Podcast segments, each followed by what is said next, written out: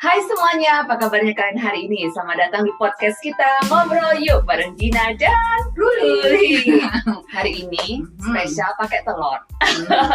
so excited, akhirnya kita bisa collab. Dan tamu kita yang pertama adalah mama-mama yang lagi hits. Podcaster yang hits. Elva Sarigi. Saragi. Oh, Saragi.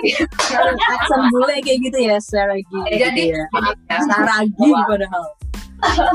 antara orang Jawa sama orang Kanada jadi seregi gitu. Oh, gitu ya.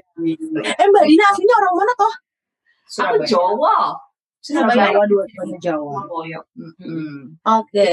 Jadi untuk Jadi kita mau ngobrol apa nih, Iya. guys? sebelum kita masuk ngobrol, ini Mm. preface dulu siapa ini Elva ya. Jadi Elva itu eh, salah satu influencer nanti dia akan menjelaskan lebih detailnya. Eh, cuman mungkin beberapa dari follower kita belum ada yang kenal banget ya sama Elva ya kan. Iya. Jadi sekarang silakan kakak kalau mau memperkenalkan diri. Hai guys, balik lagi bareng aku, Elva Saragi. Cek kayak di YouTube aku. Hai, aku Elva Saragi. Aku adalah seorang ibu, seorang mom influencer kalau kata orang, tapi nggak tahu apa yang di-influence gitu kan ya. Terus kemudian eh, YouTuber, content creator, produser, seorang istri, seorang kakak, dan seorang anak, dan seorang ya gitu deh pokoknya. Ibu rumah tangga juga. Sama. Seorang adik, adik ipar lupa kan? Oh iya, ibu, ada ipar. Bahaya. Nanti nanti langsung nih saya selesai. Iya, iya, iya, iya, iya, iya, iya. Oke. Ya, jadi Eva itu ada iparku. eh, dia Satu-satunya, eh enggak ya? Iya, Iya kan cuma satu. Jadi Kalau dua bahaya dong. nggak ketahuan makanya aku nggak ngomongin. By the way, iya, jadi eh, Elva ini udah cukup lama ya, Eva ya. Jadi tahun mulai di YouTube. YouTube. Eh, eh, sekarang gimana? Bala-balanya semakin growing kah? Apa? Hmm, aku sih growing duluan di YouTube, Instagram mengikuti. Terus eh, semakin ke sini makin aktifnya di Instagram. Mungkin terlihat sedikit ya dengan followerku yang sebegitu. Tapi itu aku dapetin secara organik. Secara organik gitu. Jadi memang eh, segmented banget juga karena segmennya ibu-ibu gitu ya. Jadi dengan segitu sih menurut aku aku udah bersyukur banget gitu. Iya, bersyukur banget banyak itu, Pak. Kalau Iya, Mbak. dari awal, enggak, eh, cerita dong dikit aja, dikit aja, singkat aja. Awalnya YouTube kamu kamu itu dulu tentang apa, terus sekarang Oke, jadi dulu tuh aku beauty vlogger, tapi teh nggak nggak laku, cuma suka make up, terus nge, nge, YouTube tentang beauty, yang yang cakep cakep banyak nih, jadi gue kagak ditonton kayaknya gitu kan. Terus akhirnya seiring berjalannya waktu kan aku menikah dan tahun pertama mencoba hamil, terus hamil, terus keguguran, tahun kedua mencoba hamil, terus hamil keguguran, sampai akhirnya aku tiga kali keguguran, dua kali kuret, satu kali operasi, semacam sesar tapi bukan sesar eh diangkat saluran tubalnya kiri karena aku nggak tahu kalau ternyata aku hamil di luar kandungan. Bukan hamil di luar nikah, hamil di luar kandungan. Kalau orang-orang di luar nikah, aku di luar kandungan. hamil, hamil anggur kalau kata orang bilang itu Eh, katanya kalau hamil ang- anggur beda mbak. Hamil anggur tuh kenapa gitu? Kalau ini hamil, jadi janinnya tuh nempel di saluran tuba. Yang mana salur eh, janinnya berkembang tapi bukan pada tempatnya. Jadi pecah deh saluran tubanya karena harusnya di rahim. Kalau rahim kan elastis kembang. Ini enggak. Dan aku pendarahan hebat, terus dipotong dan kondisinya aku teh eh, belum punya anak pada saat itu. Itu udah tahun ketiga kayaknya nikah. Hmm. Gitu. Jadi mulai Akhirnya dari situ, hmm. Iya, jadi akhirnya dari situ itu dari dari awal pertama kali program hamil hingga keguguran pertama kali hingga semuanya aku dokumentasikan dalam YouTube aku. Dan sering berjalan waktu orang-orang mungkin merasa senasib sepertanggungan atau mungkin mereka mencari tips program hamil atau merasa eh, down gitu ketika mereka keguguran mencari sesama orang yang senasib gitu ya. Jadinya aku berkembang sampai sekarang jadi ngikutin aja. Gitu. Iya, pasti ini sih kalau sharingan kamu itu eh, banyak yang relate, apalagi kalau misalnya kita nggak terbiasa untuk ngomongin ya. Tuh. Kadang-kadang kan eh, apa pun yang terjadi di kita, misalnya kita keguguran atau kita kehilangan seseorang atau kayak Elva juga apa namanya eh, selain keguguran dia juga kehilangan apa satu Ubah kiri. ubah ke kiri kamu itu itu kan sesuatu yang kita tuh di depan orang tuh pasti kita akan ngerasa kuat gitu kan padahal sebenarnya dalam kita kan kita mentally itu sebenarnya masih belum move on kayak Dina juga Betul. bilang dia pernah keguguran juga gitu. Hmm. jadi mungkin pada saat dia nonton kamu itu kan sesuatu yang bisa mereka relate Memuaskan, mereka iya. dapat Hmm. temen gitu ya Betul. jadi berarti YouTube kamu itu nggak cuman buat yang receh-receh doang dong. Berarti kayak awalnya sih nggak receh, awalnya tuh serius. Awalnya tuh edukasi serius. Ke sini sini receh.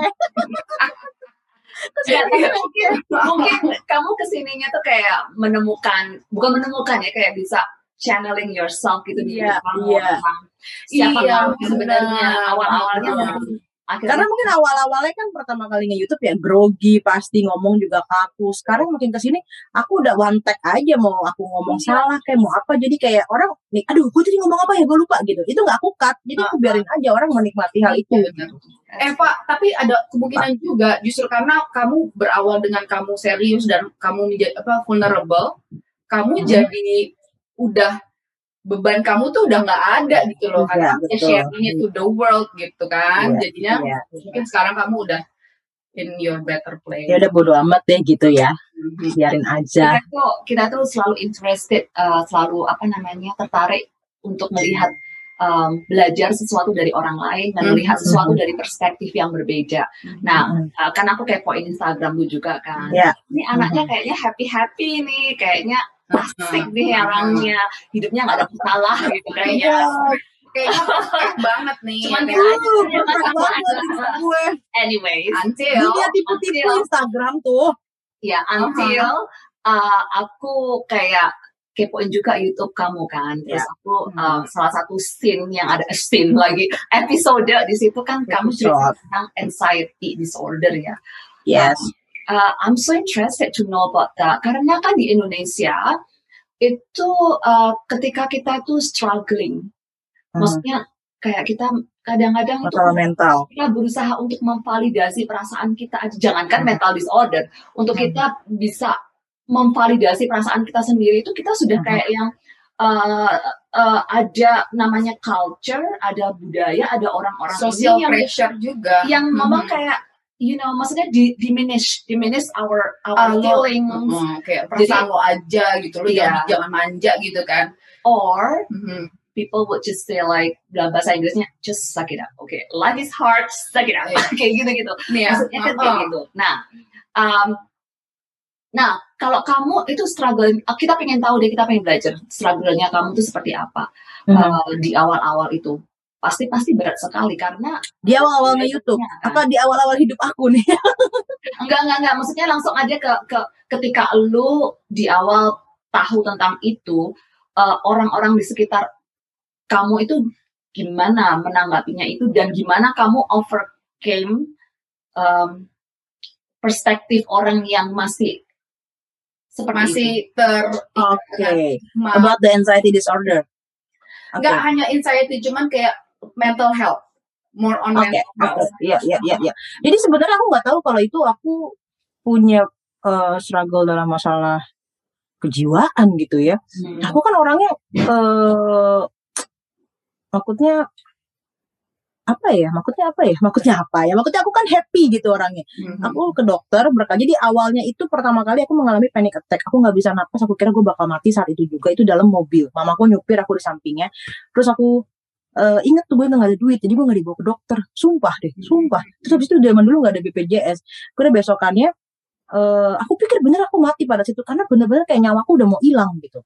Terus udah kayak gitu aku tidur saking nangis-nangis kecapean tidur bangun-bangun pagi eh gue masih di kasur nih gitu. Terus aku ke rumah opungku nenekku gitu ya masih hidup pada saat itu. Terus dia bilang kenapa kamu dadanya sakit? Udah ke dokter akhirnya dikasih duit 6 juta inget banget 6 juta dikasih duit aku ke dokter. Di dokter dicek tuh semua jadi paru-paru, EKG, ronsen, eh, treadmill, echo, USG jantung ke sampai ke ber- ber- beberapa profesor profesor jantung. Eh, terus dokter lambung dokter penyakit dalam segala macam. Aku dinyatakan sehat tidak ada apa-apa. Terus akhirnya dibilang ah kamu ini mah stres aja gitu enggak lah gimana bisa? Gue stres. Kan gue kalau ngomong berapi-api selalu. Maksudnya apa ya? Ekstro ekstrovert gitu bukan yang introvert gitu kan. Terus habis itu dia bilang enggak lah dok. Enggak aku nggak stres. Aku fun fun aja gitu. Terus hingga suatu ketika itu makin menjadi setiap hari setelah kejadian aku panic attack itu aku tuh selalu hidup dalam panic attack. Jadi nggak pernah ada satu detik hidupku yang merasa aku aman. Jadi gue tuh kayak dikejar-kejar rasa takut mati kak dan semua orang ngejat aku kayak aku nggak punya iman nggak punya Tuhan nggak punya agama dan lain sebagainya. Gitu. Nah habis itu kerjanya setiap hari nangis takut mati takut mati. Kok lucu ya gue takut mati pikir. Tapi akhir akhirnya uh, aku curhat sama temen aku dokter di dia dokter di Jerman gitu ya. Lebih open minded tentunya karena dok nggak semua dokter itu terbuka dengan permasalahan ini. Sekalipun dokter di Indonesia mereka kayak ah enggak kamu ini aja gitu loh. Nggak semuanya loh mengerti gitu. Mm-hmm. kira aku dia bilang lu ke psikiater pak gitu. Akhirnya aku ke psikiater. Dan di sana aku didiagnosis generalized anxiety disorder. Hmm. itu itu setahun 2012 aku nggak bisa bawa mobil aku takut ke mana-mana. Pulang kerja itu aku langsung di kamar aja nggak ke mana-mana. Uh, katanya kan asam lambung katanya. Asam lambung makanya debar-debar. Aku setiap dua jam makan kurus kering segala macam hmm. terus hingga suatu hari akhirnya men, ke psikiater nggak langsung sembuh karena nggak cocok pada saat itu. Mungkin dikasih antidepresan yang nggak cocok sama aku aku makin kondisiku makin parah. Kalau misalnya antidepresan kamu nggak cocok nggak minta sama dokter itu kayak alternatif obat uh, apakah langsung nggak tahu mbak. Karena itu pertama kali aku minum obat aku nggak ngerti efeknya bagaimana dan uh, gimana gitu uh, rasanya gitu. Jadi ketika aku minum mungkin dia rasa oke okay, obatnya mungkin belum bekerja karena antidepresan bekerja setelah dua minggu empat minggu. Kalau mereka merasa nggak cocok baru bisa diganti. Nggak bisa langsung sekali minum kita ganti gitu. Aku kayak bengong gini kayak di depres gitu loh maksudnya segala emosi baik senang sedih jadi bengong aja. Terus kerjanya tidur ngantuk banget. Akhirnya eh, gonta ganti dokter. Akhirnya nemu satu dokter yang tepat dia memang dokter ngambil license buat license pokoknya pokoknya intinya bagian psikosomatis deh. Akhirnya uh, ketemu dia itu dua minggu aku merasakan kayak aku kembali hidup kayak Elva yang dulu ya, Elva yang ya, cocok obatnya. Iya iya gitu. Maksudnya Elva yang gue nih gue banget gitu hmm. dua minggu. Tapi salahnya aku uh, namanya orang Indonesia ya kalau udah sembuh ya udah nggak dilanjutin minum obat. Nah salahku di situ itu titik tersal tersalahku dalam dalam hidup aku ya masalah ginian gitu ya di situ aku udah itu aku bisa bawa mobil mau ngapain oke ayo mau makan pedes santan segala macam ayo. Dulu mah enggak sama sekali karena saking takutnya. Terus udah gitu. Uh, akhirnya dia apa ya relapse ya. Maksudnya keulang lagi gitu. Akhirnya hingga saat ini dia gue minum obat. Keterusan. Aku kan si anakku yang gede si Karina itu uh -huh. kan autistik sama ADHD jadi hmm. semenjak dia punya diagnosa itu, aku jadi semakin educate diriku kan. Hmm. Hmm, Se pada saat aku belajar soal autistik, soal autism, dan aku belajar soal ADHD, dan pada saat aku belajar soal ADHD itu, aku banyak relate gitu. Kok ini kayak gue ya, kayak gue gitu-gitu ya. Tapi bukan gue nggak dalam bentuk hyperactivity-nya gitu loh. Pokoknya pokoknya itulah. Pokoknya aku bisa relate. Nah, semenjak itu aku jadi mulai bisa melihat bahwa mental health itu is real. Terus apalagi anakku juga itu harus minum obat setiap hari for the rest of her life. Tapi justru kalau aku aku lihat ya orang-orang itu mostly memang bilang kayak e, ngapain sih obat gitu? Lo tuh kayak betul, ngasih, ngasih racun ke anak lo. Yeah. Analoginya seperti ini sebenarnya kalau kata dokter. Kalau kalau kamu melihat orang dia diabetik, dia hmm. pakai insulin, kamu nggak hmm. melihat itu sebagai sesuatu yang iya. rajin. Yeah. Kamu lihat itu hmm. sebagai sesuatu yang membantu mereka. Yeah. Tapi yeah. kenapa pada saat itu ke anak ke orang ADHD, hmm. sesuatu yang memang mereka tidak memproduksi chemical yang yeah. Iya yeah, benar benar benar benar. Kenapa kamu nggak anggap itu sebagai life saver juga? Karena hmm hidupnya mereka itu akan lebih terbantukan dengan obat ya, itu. Betul. Nah, jadi aku pernah itu, aku pernah kena panic attack juga kayak kamu. Dan waktu itu malahan aku pikir tuh gak panic attack, aku pikir karena di kamar ada pohon kayak pohon pisang gue pikir kayak orang Indonesia itu karena pohon pisang ada itu yang ada rokoknya itu di tengah gue bilang sama bang Alim udah taruh luar itu gue jadi nggak bisa napas gue mau mati gue mau mati gitu ya waktu itu deh ya kan?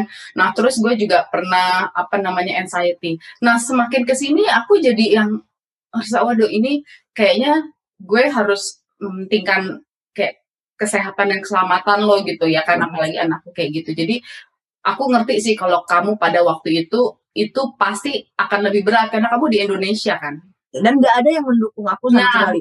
mama papa Yes, yes. adik bahkan eh, suamiku hingga Yes. hingga sekarang dia udah mengerti ya karena karena dia mengalami permasalahan Hmm. mental tersendiri jadi dia ngerasa kalau masalah mental itu anjir bener ada lo gila gue bisa nggak kerja dia bisa nggak mau ngapa-ngapain gitu ternyata masalah mental tuh bener real gitu kalau ke- kalian nggak ngalamin ya udah nggak bakal ngerti apa yang kita rasakan iya harus gue sesak napas jantung berdebar-debar kayak mau mati. Dan ketika momen itu datang aku selalu pengen lari ke UGD kayak merasa aman gitu kan. Karena aku takut ini serangan jantung buat mati Iya. gitu kan ya.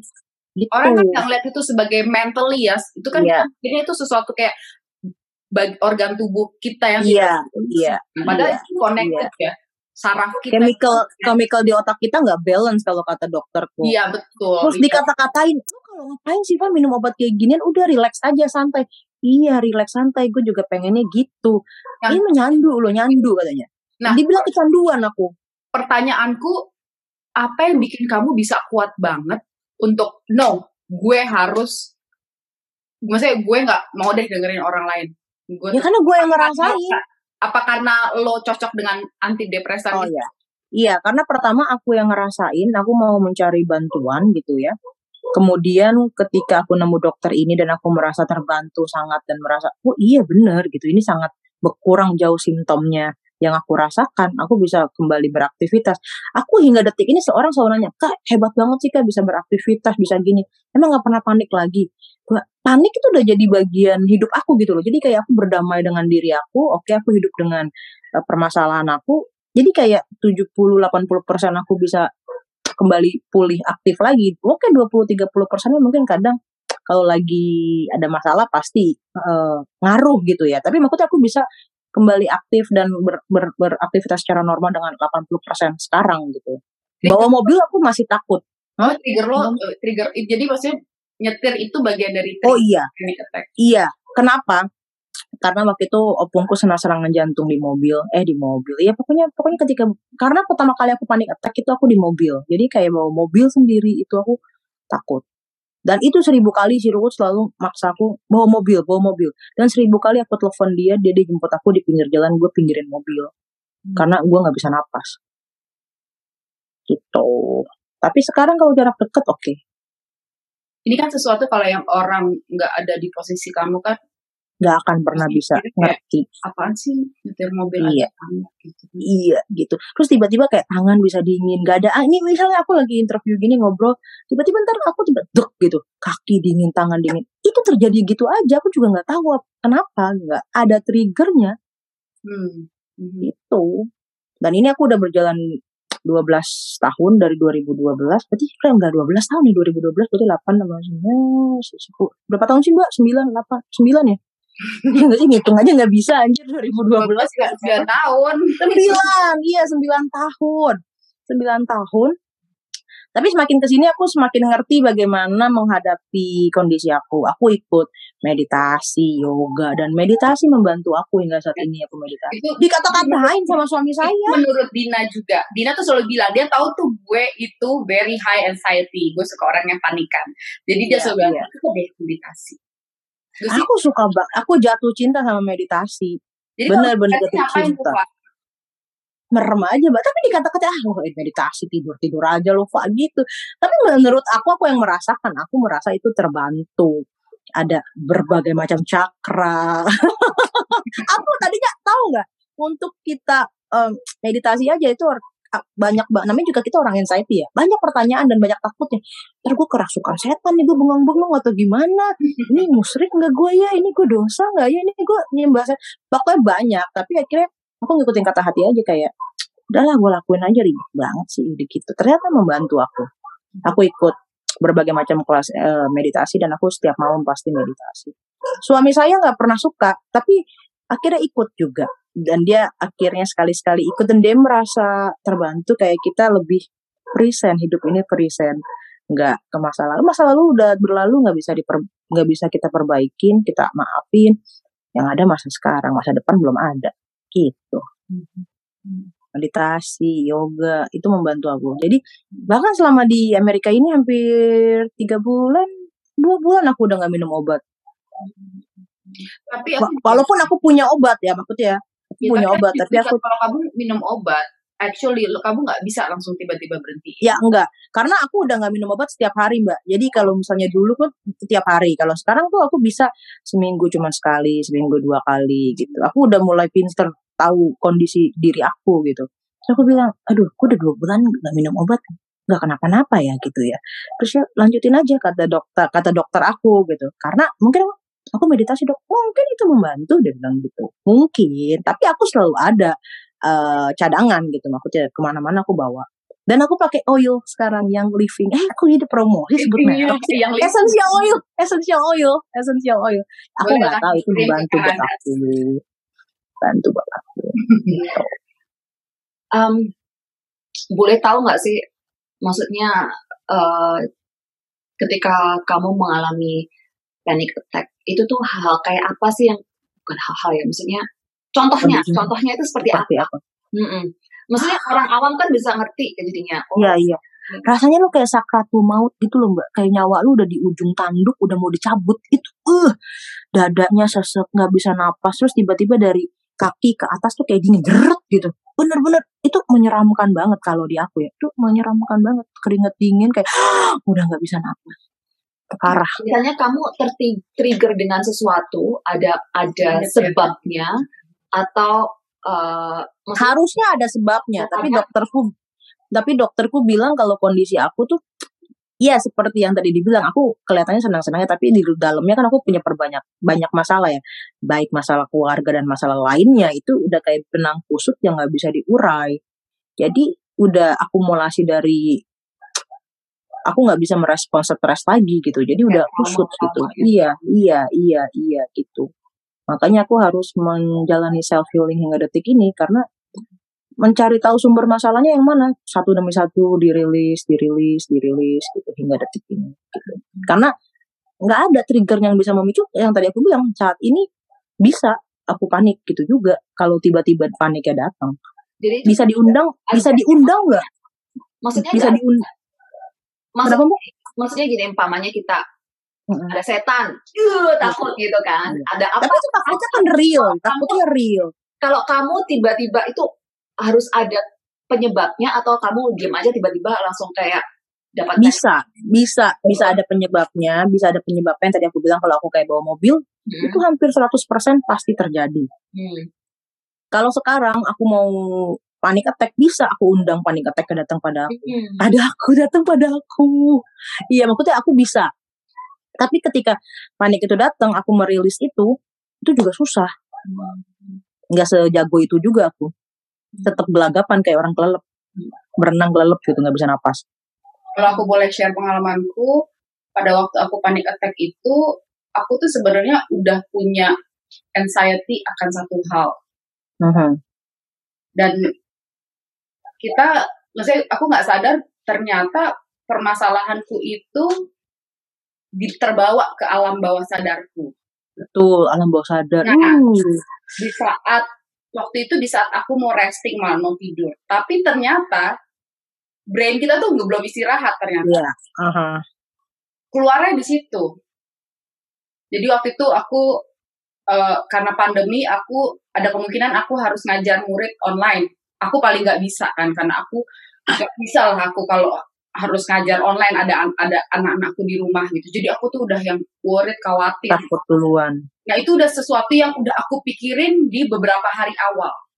Udah udah ada antisipasi iya. duluan. Iya. nah itu kayaknya hari semakin dekat aku harus bilang ke bosku aku nggak bisa nih kayak begitu. Hmm. nah jadi aku pikir oh ya udah nanti gue ngomong sama bos gue kan bisa ini. Tapi ternyata enggak sama kayak kamu itu kayak kayak mau mati nggak bisa. Iya betul betul betul. Iya dan aku waktu itu bener-bener yang aku nggak tahu panic attack until ada temanku ngasih tahu karena suaminya juga gitu. Dan aku Iya, baru tahu. Nah maksudnya ya udah yang take setelah itu sih kita nggak ah, setelah itu sih kita kayak gua sama Alin tuh berusaha untuk kayak misalnya gue kan suka suka eh, suka panikan gitu ya. Kayak kita sama-sama saling kayak nenangin gitu udah it's okay it's okay gitu karena dia tahu kalau dia nggak ikut peran di aku aku kayak begitu gitu Iya, karena iya, iya, iya. karena kita punya creative thinking sendiri itu kan Betul, imajinasinya tuh liar banget. Nah, Udah mikirin iya. aneh-aneh. belum terjadi tapi kita udah mikirin Wah, wah, iya betul, betul, betul sekali. Nah, tapi sekarang suamiku juga udah ngerti gimana cara nanganin aku kayak dia dia tuh pijit kakiku tuh sekenceng-kencengnya biar teralihkan ke sakit nih kaki lu nih dipijit nih di refleksi. pijit sakit Iya, iya, gitu sakit perut terus sakit gitu kan. Dia habis itu dia kayak iya udah nih atau enggak kadang dia suruh bilang udah lo peluk aja anak lo no yang real no anak lo di depan mata lo gitu tapi dia mengerti kalau dulu mah wah parah banget udah sampai dijelasin sama psikiater ini dia nggak nggak nggak nggak ngerti deh pokoknya Ya sebel aku juga berubah mindset dan mindset dan Betul. itu kan Iya, benar. karena kan ini awam ya mbak ya maksudnya nggak Ya. nggak nggak nggak maksudnya di keluarga aku dan lingkungan sekitar nggak ada sekalipun ke temen deketku yang sangat deket sekalipun mereka nggak mau ngerti dan apa sih lo Pak gitu jadi mendingan gak usah cerita tapi it must be hard for you kan karena kan kayak parah Bu- aku sih bersyukur ya aku deket sama Dina kan sekarang. Maksudnya orang yang sungguh terbuka dengan dunia eh, mental health. Iya. Saat aku cerita soal anakku, cerita soal challengeku, aku Iya. tuh divalidasi. Walaupun mungkin dia nggak ngerti juga awalnya. Mm-mm. Cuman karena aku divalidasi kan, akunya juga jadi ngerasa lebih ke accept sama temen ya kan, dan aku Mm. juga jadinya nggak going through this sendiri, Mhm. ya kan. Jadinya aku ngerasa sih kalau kamu tuh pasti must be hard banget kalau misalnya even your close parah mbak enggak. parah Sampai sekarang. parah deh Eh, enggak. Kalau dulu dulu tuh ya itu tadi aku dikatain kayak nggak punya iman lu kayak nggak beragama lu takut mati lu nggak ada apa-apa. Karena aku punya kalau aku inget tuh ya aku tuh sangat ketika kakekku meninggal zaman dulu aku meninggal aku tuh umur mungkin 2 SD dan itu aku dijelasin secara detail proses dia meninggal gimana. Detik-detik dia meninggal. Dada tiba-tiba opungku bilang dadaku sakit kayak ketusuk-tusuk. Dan itu terjadi sama aku. Jadi kayaknya aku merekam itu dan aku takut itu kejadian sama aku. Dan makin parah beberapa tahun lalu aku nemenin papaku di rumah. Dan papaku merasakan hal yang sama. Dan di rumah itu cuma ada aku berdua sama papa. Dan papaku kena serangan jantung dan di bypass jantung. Itu memperparah kondisi aku. Karena kayak Trauma. baru trauma yang lama belum lewat nih udah dapet trauma lagi. Dan kayak aduh ah, kakekku papaku gue nih bentar lagi kena gitu loh. Mhm. makin ke situ gitu. Tapi ya sekarang sekarang udah lebih ngerti gitu adekku lebih mereka ngerti kondisi aku. Kayak misalnya sekarang adekku kan Michelle di sini. Kalau aku di rumah sendiri nggak ada orang aku kadang juga aduh duh, kayaknya gue udah mau panik nih gitu. Aku udah udah kalau panik udah mengintip-ngintip tuh aku udah udah udah tahu udah paham nih kayaknya dia bakal datang gitu. Aku udah standby gitu. Terus dia langsung mau eh, gue jemput kah? atau apa dia mereka udah lebih menghargai aku mengapa ya namanya ya, membantu aku lebih aware lebih Ya, apa lebih paham. Feel gitu. Ini tuh iya gua tuh iya bener- iya. bener-bener iya. Uh-uh. hmm, bener-bener struggling. Iya. Kan. even mamaku juga bilang kenapa panik kak? Obatnya nggak diminum. Mereka udah mulai oh iya gitu. Udah mulai ngerti udah mulai ngerti ke arah situ gitu. Terus misalnya suamiku tanpa aku ngomong kalau aku peluk dia gitu kenapa lo panik gitu udah nggak apa-apa. Dia udah ngerti juga. Sekarang udah udah udah udah oke lah. Nggak nggak gimana. Dan sekarang juga semua orang udah mulai terbuka dengan masalah mental isu begini kan. Makanya aku juga sering posting di Instagram eh, atau di YouTube aku karena banyak banget yang mengalami anxiety disorder ini. Bahkan tau nggak yang nge DM DM aku tuh badannya tegep-tegep polisi-polisi perwira perwira lucu ya. Lucu loh. Ke- karena kan apa mental health itu nggak mengenal nggak iya benar benar mengenal tapi mereka tuh yang malu tau nggak mbak mereka yang malu dia nyari di YouTube nemu aku terus mereka DM mbak saya tuh polisi loh mbak saya tuh perwira loh mbak itu pangkatnya tinggi loh mbak sampai si Ruth bilang hubungin Fah kali kita dapat kerjaan Iya.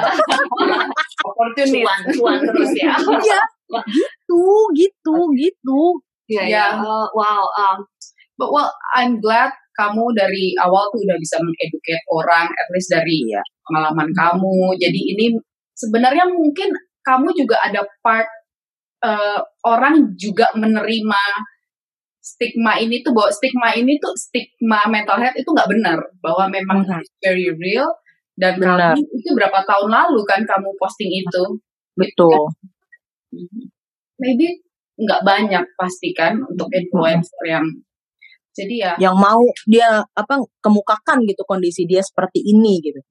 Aku bikin pokoknya aku itu jadi aku sebenarnya punya beberapa channel. Ada namanya say bye to anxiety.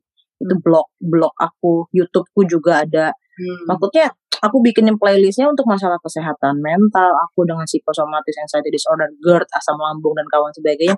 Aku kasih ke mereka karena hmm, banyak banget makin ke sini nih orang makin makin tingkat stresnya kan makin tinggi Iya. jadi mereka makin banyak mengalami hal itu plus juga sebenarnya makin pinter juga karena kita ada ada Iya. sosial media iya kan. iya jadi mereka lebih Iya. aware oh ternyata aku tuh ini toh Karena aku juga nggak sendiri maksudnya Iya, ada gitu. orang lain Mm-mm.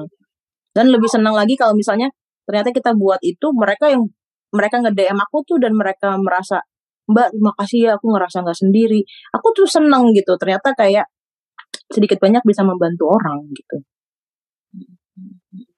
itu kayak orang pinter kita ngobrol hari ini saudara-saudara. Ini recehnya eh, ngobrol yuk. Jadi jadi FYI lebih dalam ya. Ini Ya, recehnya aja begini ya. Awalnya. aku udah sakit katanya yang receh-receh aja ya mbak. Oke. Iya iya nggak sudah jebakan recehnya ngobrol. Masalahnya kalau yang receh-receh kita tuh nggak lucu, jatuhnya lucu, beda. Podcastnya kita jatuhnya Iya. beda. Iya, ini ag- nggak apa-apa. Ini lebih edukatif, lebih dalam, lebih deep ngomongnya lebih lebih Hmm. lebih dari hati ke hati. Iya, kita memang always fascinated, uh, selalu tertarik sama perspektif orang yang berbeda. Betul. Karena karena kan apalagi sekarang ya sosial media dan lain sebagainya, orang tuh hanya melihat dari satu sisi kan. Mhm. Uh, kadang-kadang perlulah kita itu maksudnya uh, ngasih tahu kalau kayak contohnya aku sama si uh, Uwi, si Ruli, kan kita juga mau ngasih tahu ke teman-teman Hmm. kita kalau we are just human being, kita tuh juga Ya betul. masalah kita kayak Betul. gitu. Dan Hmm. semoga sih podcastnya kita juga um, membantu orang tuh untuk melihat dari Iya. perspektif yang berbeda. Kalau kamu, um, kalau kamu, oke ada dua. Aku minta kamu pesen, pes- pesan apa sih ke kamu dari kamu ke orang-orang yang mengalami struggle yang sama Ya. apa pun itu. Hmm. Yang kedua, buat orang-orang di sekeliling ini, uh, ketika ada temen, Ya. saudara dan lain sebagainya itu Yang mengalami hal itu. support Iya. macam apa yang mereka butuhkan Oke, kalau aku buat teman-teman yang mengalami masalah kejiwaan apa pun itu, nggak usah malu. Ini bukan hal yang tabu gitu menurut aku. Ini sama sepertinya dengan sakit flu gitu ya, sakit apa pun itu sama bisa kita obati, bisa kita treatment, sembuh, bisa juga sembuh. Tapi kan kalau sakit flu juga bisa balik lagi kena sakit flu Iya. gitu ya. Gimana kita Betul ya, memaintain? Pak. Terko- kita bisa mengontrol itu Iya, iya, iya gitu. Aku kan juga tanya dok, karena ketika aku ke dokter aku ngerasa, dok, aku bisa sembuh gak sih gitu? Sembuh ya bisa, tapi kalau kamu sakit flu juga kan bisa sembuh terus balik lagi sakit kan gitu. Maksudnya ini bisa sangat terkontrol, bisa sangat kamu bisa beraktivitas balik lagi seperti normal, santai aja, relax aja. Maksudnya aku tahu ini gampang banget diomongin santai aja, relax banget, tapi aku tahu maksudnya gini kalian gak sendiri, aku bisa ngelewatinnya, kalian juga pasti bisa. Gak usah banyak worry karena ketika aku juga sakit, aku tuh juga worry. Duh, gue kecanduan gak ya? Ginjal gue rusak gak ya?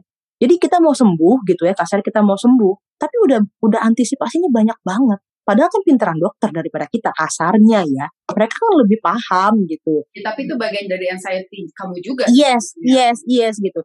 Itu dia yang menghambat penyembuhan proses healing kita sebenarnya. Banyak banget ininya.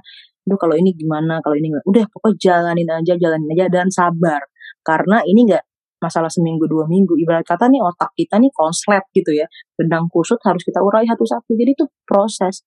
Aku hingga 8-9 tahun nggak detik ini aja masih berproses gitu nggak ada yang instan dan buat teman-teman di yang mungkin saudaranya suaminya orang-orang terdekatnya yang mengalami hal ini jangan dijudge jangan dia dijudge nggak punya iman nggak punya agama dia makin down dia makin tapu dirangkul aja dirangkul. Kalau dia mau dibawa ke dokter temenin aja ke dokter disupport. Kalian nggak perlu mengerti rasanya gimana tapi artinya support aja. Dengerin dengerin. Di mengerti, coba mengerti gitu. Karena pasti diceritain juga mereka nggak bakal kepikiran karena nggak ngerasain.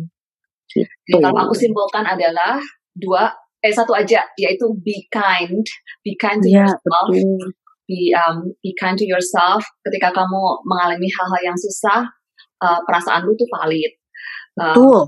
dan buat kita kalau ketika kita ada teman-teman yang atau saudara mengalami yang hal yang sama just be kind Hmm, juga iya, Bu, iya. mereka. Dengerin aja karena mereka cuma butuh didengerin. Exactly. That is- disupport yeah. that is the least and the best thing that we could do for other people. Iya. and to ourselves kan? Betul Oke, ini mau cepat. Kita mau tutup aja dulu ya hari ini. oke Thank you Nanti- banget Lova. Iya. Tapi sama-sama thank mau you tutupnya, mau tutupnya fun-fun dulu ya sebentar. Tiga Oke. hal yang eh, orang lain nggak tahu tentang El, tentang aku tentang lo. Satu kata super males super males Yes. pinter cari duit orangnya nggak tegaan kasianan sama orang Oh. kadang suka dibegoin jadinya karena kekasianan Oke, thank you ya Pak. thank you mbak. Dina mbak sampai ketemu bye bye Oke, bye. Bye. Gak enak banget sih sih ininya. Anyways, bye.